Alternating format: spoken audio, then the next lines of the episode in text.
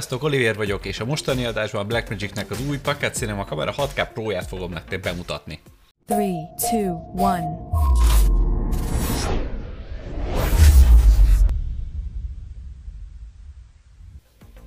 Gyerekek, szerintem ez egy jó kamera. Nem azt mondom, hogy mindenkinek való, nagyon sok olyan dolog van benne, ami mondjuk nincs meg, de mondjuk a konkurenseknél már megvan. Én most az egy hét tesztelésem alatt azt kell mondjam, hogy nekem nagyon megtetszett. Két rész készül a kameráról, amivel elég sok info van róla. Az elsőben bemutatom a kamerát és az újításokat rajta, ez egy olyan first impression videó lesz. A másodikban pedig személyes tapasztalataimat, illetve érdekességeket fogok bemutatni nektek. Jöjjön akkor az első adás! A Tripontól kaptam a lehetőséget, hogy kipróbálhassam az új 6K Pro-t. Sajnos csak az alapgép kapható, tehát FVF vagy Hand Grip tesztel nem nagyon fogok tudni nektek szolgálni. Aki nem ismerni esetleg a Tripontot, elég sok mindennel foglalkoznak, ilyen például kamerák, optikák, statívok, lámpák, eladás terén elég sok mindennel. Ráadásul most már bérelni is lehet tőlük, akár mondjuk ezt a Blackmagic Pro 6K-t is, mondjuk egy fasz a kis Irix optikával. Egy régi, de megbízható cég a szakmában. Na de essünk is neki akkor a Blackmagicnek. A Blackmagic amúgy egy érdekes cég. Mindig meglepik az embert, hogy micsoda árértékarányú gépeket hoznak ki. Az Ursa Mini, a G2, vagy régebben a Packet. A 12K-s Ursa is ugye nemrég megjelent, illetve a sokak által ismert 4K és 6K. Mindről elmondható és zseniális kamera, ráadásul a konkurensekhez képest brutális rögzítési adatokkal rendelkeznek, meglepően reális áron. Annó a 4K rendesen felborzolta a piacot a megjelenésekor. Ebben az árfekvésben nem igazán volt olyan gép, ami 4K 50 FPS-ben tudott rögzíteni internál ProRes-ben, főleg nem pedig RAW-ban. Aztán jött a 6K, ahol a Micro 4 harmados szenzort leváltotta, a Super 35, és egy EV bajonettet kapott ugye az a body. Mind a két kamera amúgy brutális, hogy mire volt képes tudásában, viszont sajnos elég érezhető volt rajta, hogy hol spórolt a Blackmagic. A kegyetlen rövid aksi idő, a nem kihajtató óriási kijelző és annak a gyenge fényereje, a stabinak a hiánya, illetve a fókuszkövető autofókusznak a hiánya egyfajta demo feelinget kölcsönzött ezeknek a kameráknak. Aztán hopp, egyik pillanatról a másikra egyszer csak piacra dobták a 6K Pro-t. Ezzel beismerve, hogy igazából az előző eszközök tényleg csak demóként voltak, mivel majdnem minden hibáját megoldották a gépnek. A 6K Pro amúgy a sima 6K-s gépnek a szenzorját kapta meg, így rögzítésben megmaradt a B-RAW és a ProRes codec, illetve a 6K 50 fps és a Full HD 120 fps a megszokott gyönyörű Blackmagic színtónussal.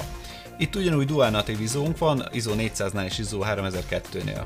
Fontos megemlítenem, hogy a konkurens Mills gépekhez képest itt 24 FPS kapunk, igazi 24 FPS-t a 23,97-tel szemben. A legfőbb változtatások inkább hardveresek voltak. Külsőben nagyobb testet kapunk a 6K-hoz képest. Ugyan látható és érezhető az a méretváltozásunk, például ma, majdnem másfélszerese lett a 6K Pro az elődjéhez képest, azt kell, hogy mondjam, hogy tesztjeim alatt nem igazán okozott problémát ez a változás. Egy ergonómiailag nagyon kényelmes gépet kapunk. Felkerül plusz egy mini XLR portunk oldalra, így már sztereóban képes rögzíteni a kamera, akár fantomtáppal is működtetett két mixivel. Bár fontos, hogy ezek mini XLR-ek, tehát átalakításra majdnem mindig szükséged lesz. Sajnos nincsen vakupa push vagyis hocsú ezen a gépen, és ezt egy kicsit sajnálom is. Mert ebben a kategóriában az a helyzet, hogy elég sok kiegészítő kapható, ami vakupa pushos rögzítést igényel. Ilyen például az RS2-nél a LIDAR szenzor, amit ugyan csavarosan fogsz tudni rögzíteni, annak viszont van ilyen két kis bütyke, ami kicsit meg fogja karcolni ezt a rögzítésedet. Azt mondjuk nem tudom megérteni, hogy egy ilyen kameránál, ráadásul egy ekkora testnél miért nem voltak képesek több statív menetet rárakni, mondjuk negyedeset, vagy ne adj Isten esetleg nyolcadosat is, mint ahogy az FX3-nál tették. Az a problémám, hogy ezzel az egy statív menettel pont egy olyan határesetbe tartozik, hogy vegyél hozzá cage vagy ne. Mert a legtöbb esetben egy statív menet elég lesz, de hogyha esetleg több mindent fogsz fölriggeni a kamerára, akkor viszont már szükséges lesz majd hozzá egy cage is. Az aktív hűtést is amúgy fejlesztették a gépen, ha bár nem igazán hallottam gondokat az elődjeinél. Nem tudom, hogy azok milyen hangosak voltak, de itt teljes csendben azért hallható a hűtése a kamerának. Ráadásul semmilyen menüpont nincsen ahhoz, hogy ezt szabályozni tudjad. Be is kapcsolom, megmutatom nektek, hogy milyen a hangereje. Most éppen a mik- mikrofonba tartom. Az a helyzet, hogy így a mikrofonhoz helyezve nem nagyon fogom tudni nektek bemutatni a hangerejét, mert nyilván ott fölveszem a hangerőt vagy bármi, úgyhogy ezzel lehetne játszadozni, de higgyétek el nekem, hogy amikor bekapcsolod a gépet, meg fogod hallani a hangját, és elég sokszor dolgoztam már együtt olyan hangtechnikusokkal, akinek ez nagyjából kizáróknak számít. Nem értem, hogy miért nem lehetett mondjuk egy, egy olyan opciót beletenni a menübe, hogy ennek az, a, a hangosságát, fordulatszámát lehessen esetleg szabályozni, hogy felvétel közben esetleg lekapcsoljon. Nyilván mindenki tudja már, hogy lehet venni a külön a kamerával az egy EVF-et, amit ennek a műanyag burkolatnak az eltávolítása után itt egy csavarral fogsz tudni rögzíteni. Ilyet sajnos nem tudtam tesztelni. Elmondások alapján ugyan pozitív, hogy az EVF 70 fokba dönthető, de a konkurensekhez képest drasztikusan kisebb a felbontása. Például a Sony A7-es 3-hoz képest 7,7-szer kevesebb pixel van benne. Ez meglepő, főleg, hogy nem egy fix EVF-ről beszélünk, hanem ezt külön vásárolod meg a géphez. Sajnálom Sajnálom, hogy nincs ebből olyan pak, hogy esetleg mint egy rendes lupa lehetne bárhova pozícionálni, és egy kábellel összekötni. Ja, azt kell, hogy mondjam, hogy talán jobban megéri egy külsős HDMI csatlakozó lupát venni hozzá, ebből a pénzből, amihez mondjuk extra feature is társulnak általában, például, hogy gyors gombokon lehet majd elérni a peakinget, a zebrát, vagy bármilyen is adatot. Viszont kaptunk egy új aksit, ami az eddigi megszokott Canon LPE 6-ot fogja leváltani, a Sony a kisebbik NPF aksiára. Most erről tudni kell, hogy elvileg egy órás működési időt ígérnek. Ki tudtam hozni belőle ezt az egy órát, úgyhogy vigyáztam rá, kisebb fényerőre vettem a kijelzőt, illetve kibekapcsolgattam a kamerát, hogyha esetleg percekig nem használtam a, a gépet. Viszont azt kell, hogy mondjam, hogy amikor folyamatosan be volt kapcsolva, akkor nem tartja meg ezt az egy órát. Nagyjából egy olyan 40 perces működés után le fog merülni az aksid. Egy dolog viszont meglepő volt nekem, hogy a 6K-t azt ugyan lehet powerbankről működtetni, akár úgy, hogy az aksit ki is veszed belőle, viszont ezt a kamerát egyáltalán nem tudtam működésre bírni úgy, hogy powerbankről működtettem. Még az RS2-t is, amikor összekötöttem az USB-C-n keresztül, akkor is csak akkor töltött, amikor le volt kapcsolva a kamera. Ez szerintem egy elég fontos adat lesz. Jövőben ezt lehet mondjuk, hogy szoftveresen fejlesztik, de a nálam lévő verziónál a 7.3-as szoftverrel ez még nem opció. Kapunk hozzá egy másik kiegészítőt, ami ugyan az előző 6 is volt egy ilyen alsó handgrip lehetőség, itt viszont azt váltották le, hogy a handgripet csatlakoztatva három aksi lesz a gépedbe. Mert a handgripbe lesz kettő aksi, itt viszont másképp csatlakozik, mint mondjuk az elődjénél. Ott igazából egy dummy aksi került bele, amikor a handgripet csatlakoztattad, ezáltal mondjuk, hogy ez a handgripbe lemerült az aksid, akkor azt amikor kivetted, akkor kamerát is le kellett kapcsolnod. Jelen esetben viszont érintkezőkkel érintkezik ez az egység, amikor összerakod őket. Ez azért sokkal jobb, mert az aksit az benne tudod hagyni a kamerába, így hogyha mondjuk a handgriped lemerül, akkor azt hotswappolni tudod, ami ugye azt jelenti, hogy kiveszed a handgripet, kicseréled az aksikat, és mivel benne maradt az aksi, ezért a kamera tovább fog tudni működni. Alaphelyzetben így a három aksival nagyjából három órát ígérnek a Blackmagic-nél, szerintem ez egy két és fél óra minimum meg lesz, viszont ezzel a hotswapolásnak köszönhetően nagyjából az fogja meghatározni azt, hogy mennyi ideig fogsz felvenni, hogy hány aksit van hozzá, illetve hogy mennyi időnként fogod tudni esetleg utána tölteni. Én szerintem amúgy egy kötelező felszerelés lesz majd ennél a gépnél, ez a handgrip, mivel így végre normális időtartamig fog tudni működni a kamera. És azt se felejtsük el, hogy ugyan ezzel a handgrip egy kis plusz súlyt teszünk fel a kamerára, én nekem viszont az a tapasztalatom, hogy nyilván egy határig minél nehezebb a gép, annál stabilabban fogod tudni tartani, és mivel nincsen szenzor, meg semmilyen stabilizáció ebbe a képbe, ezért nagyon fontos az, hogy, hogy milyen stabilan tudod tartani. Ja, és amúgy fontos még ennél a handgripnél, hogy amikor csatlakoztatod, akkor igazából a handgripnek az aksiát kezdi el szívni, és hogyha cseréled az aksit, akkor kezdi el átváltani a saját belső aksiára, ez azért fontos, mert amikor visszacsatlakoztatod handgripnek a két aksiát, azok elkezdik visszatölteni ebből elvesztett kapacitást, ezért, hogyha legközelebb cserélned kell, akkor már megint egy fullra feltöltött aksid van. És még ami tök jó dolog, hogyha csatlakoztatod hozzá a 220-as adaptert, akkor egyszerre minden három aksit tölteni fogja neked. Mint ahogy érezhetitek is, az eddig elmondott fejlesztések nem igazán drasztikusak az elődökhöz képest. Na de, jöjjön a két legfontosabb módosítás. Az egyik, hogy nem csak hogy növelték a kijelzőnek a fényerejét 1500 nitre, végre kihajtható lett! Egyszerűen nehéz szavakba önteni, hogy mennyire kényelmessé válik így a kamerának a kezelése. Konkrétan az 5 incses Full HD érintőkijelző nagyobb, mint a telefonom.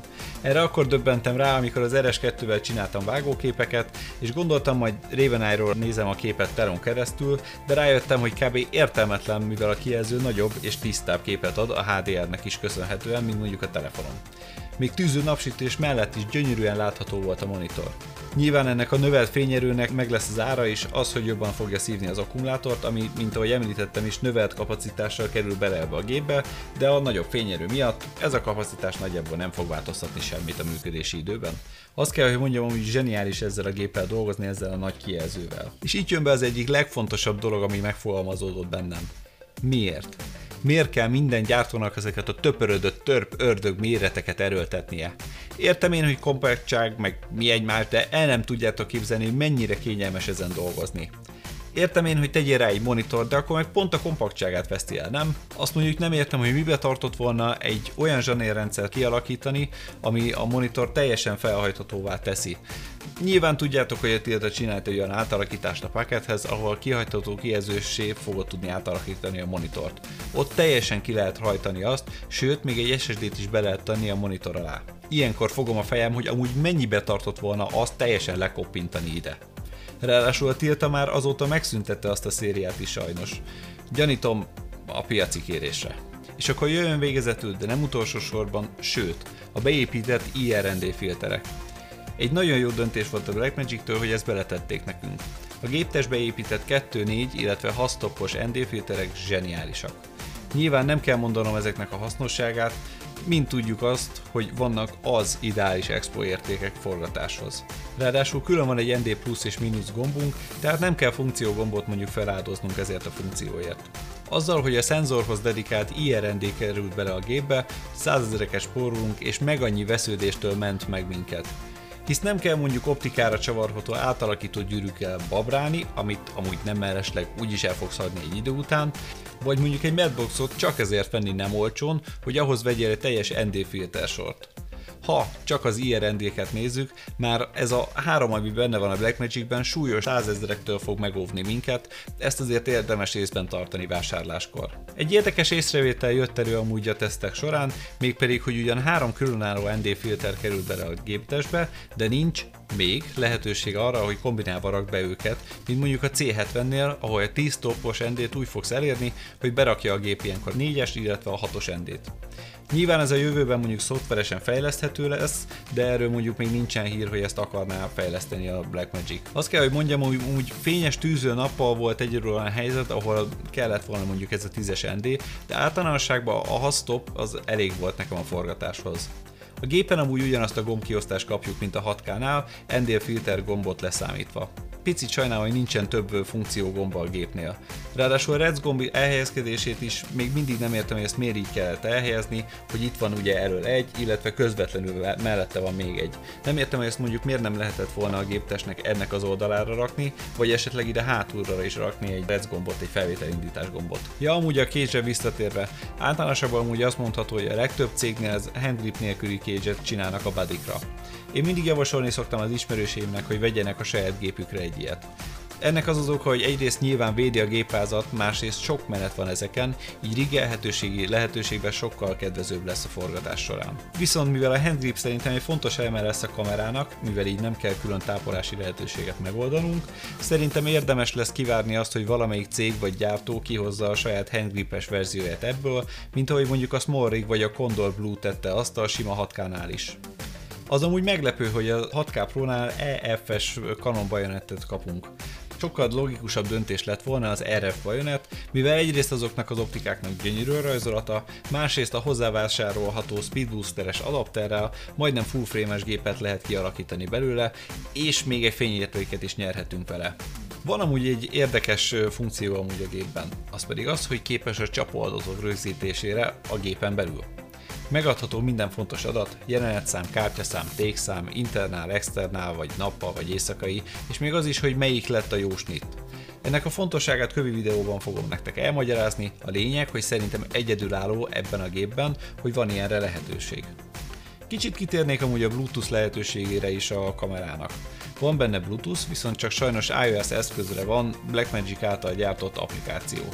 Szerencsére Blackmagic sokaknak megengedte, hogy fejlesztenek hozzá dolgokat, így Androidra is van elérhető app, de az vagy ingyenes, viszont akkor csak elindítani tudjuk kb. a felvételt, vagy fizetős, abból viszont vannak jók. Viszont mind iOS-nél, mind pedig Androidnál elképesztően gyors volt a párosítás. Rég láttam ilyet. Az iOS eszközre letöltött applikáció segítségével képesek vagyunk amúgy az alap expós értékeket változtatni, illetve a white és felvételt indítani. Ilyenkor kiírja, hogy melyik kártyára rögzít, és hogy azon hány percnyi hely szabad van még, de ami a legfontosabb, itt képesek vagyunk a csapadatokat korrigálni, ha esetleg szükséges. Sokak számára fontos kérdés lehet az, hogy milyen gimballal kompatibilis a 6K Pro. Erre sajnos nem fogok tudni teljes mértékben válaszolni, nyilván már a méret is korlátozni fogja azt, hogy milyen gimbalok jöhetnek szóba. Illetve fontos az is, hogy milyen optikáról beszélünk, és természetesen azt se felejtsük el, hogy a gépfáz maga amúgy 1,26 kg, főleg, hogyha fölteszed hozzá ezt a handgripet, akkor meg, még jobban megnöveli a súlyát, tehát valami olyan gépbe kell gondolkodni, ami kb. 3 kg vagy 3 kg fölötti terhelhetőségű. Én a DJI RS2-re tökéletesen fel tudtam rakni, minden gond nélkül a 2470-es Canon zoom optikával, illetve az itt látható két iris optikával, amiknek mondjuk a súlya aránylag nagynak mondható. A 2470-es Canon optikánál úgy ráadásul a kijövő tokmánynak köszönhetően elég nagy súlykülönbség okozott ez mondjuk a végállásba. Nem azt mondom, hogy a végleteknél mindig tökéletesen működött, de azért elég jól teljesített az ellensúly szükségessége nélkül az RS2-mön. Két fontos frissítés viszont nem került bele a gépbe szerintem az elődjéhez képest. Az egyik ilyen például az autofókusz. És ezt tudom, hogy egy elég kritikus téma a szakmában, hogy legyen autofókusz a gépekbe vagy nem. A konkurensekhez képest mindenkinek van normális és jó autofókusza, egyedül a Blackmagic-ben nincsen ilyen, ezért gondolnám azt, hogy ezt esetleg bele lehetett volna rakni, illetve ne felejtsük el, hogy ugyanez egy nagyjából filmes kamerának mondható, nyilván nem, de hogy azért már nagyon durva anyagot lehet ebből kihozni, de legtöbbször szerintem akik ilyen gépet vásárolnak, azok One Man Army-ként akarnak nagyon szép anyagot készíteni, mondjuk egy esküvőről is, mert mint tudjuk az esküvőről is nagyon durva videókat lehet készíteni. Szerintem elfért volna ebbe egy autofókusz lehetőség. A másik pedig, hogy se szenzor, se elektronikus stabi nincsen a gépben, ami szerintem elég meglepő, hogy például mondjuk már a C500-ban a Mark 2-ben, vagy a C300-ban, C70-ben, tehát az összes konkurensben már megtalálható legalább egy elektronikus stabi. És ez azért lesz fontos, mert kézből kitartva, mivel ugye nem egy full frame-es, hanem Super 35-ös optikáról beszélünk, tehát érezhető az, hogy kézből van tartva a kamera, nincsen semmilyen segédlet hozzá. Tehát mindenféleképpen vagy egy statívra, vagy egy gimbalra föl kell raknod ahhoz, hogy értelmezhető képet nyerje ki belőle, illetve ha nem ezt teszed, akkor arra kell készülnöd, hogy utólagosan mondjuk egy VAR stabit azt majd rá kell raknod. Amit viszont még mindenképpen megemlítenék, az a Blackmagic-nek a supportja. Akinek már volt vele dolga, az tudja jó, hogy nagyjából mondható, hogy nincs. Ha elromlik a géped, akkor kb. jobban jársz, hogyha veszel egy újat, mivel szervizeltetés jobb esetben is akár fél évig is eltarthat. Na srácok, így első blikre ennyit akartam mondani, így se lett mondjuk rövid a videó. Ha esetleg érdekel az, hogy mik voltak a tapasztalataim a gépről a tesztjeim során, illetve kiknek ajánlanám, vagy hogy milyen érdekességeket tudtam meg róla, akkor azt a következő adásban megtudhatod. Neked mi a véleményed a gépről? Shut up take my money, vagy pedig valamilyen teljesen más vonal érdekelt volna? Írd meg kommentbe, kíváncsi vagyok a véleményedre. A kövi videóban amúgy ennél is jobban belemegyek majd az adatokba, mint ahogy mondtam is. Viszont ezen kívül csináltam pár kibeszélős adást is, ahol olyanokkal fogok beszélgetni, akik a 6K Pro konkurens kameráit használják, mint mondjuk a Canon C70, az Ecam, illetve az FX6. Ezek az adások elérhetőek lesznek podcasten. Még egyszer szeretném megköszönni a Triponnak a lehetőséget, hogy kipróbálhattam a Blackmagic-nek a 6K Pro-ját, illetve, hogy kaptam tesztelésre két IRIX optikát is, amiről majd később fogok adást készíteni nektek. Röviden és tömören, nem rossz optikák, igazából megérnek szerintem egy misét. Ha tetszett a videó, akkor dobj egy lájkot, illetve ne felejtkezz el feliratkozni a csatornára, hogy minél több tartalmat gyárthassak nektek a jövőben. Szép fényeket mindenkinek, én Oliver voltam, sziasztok! 3, 2, 1.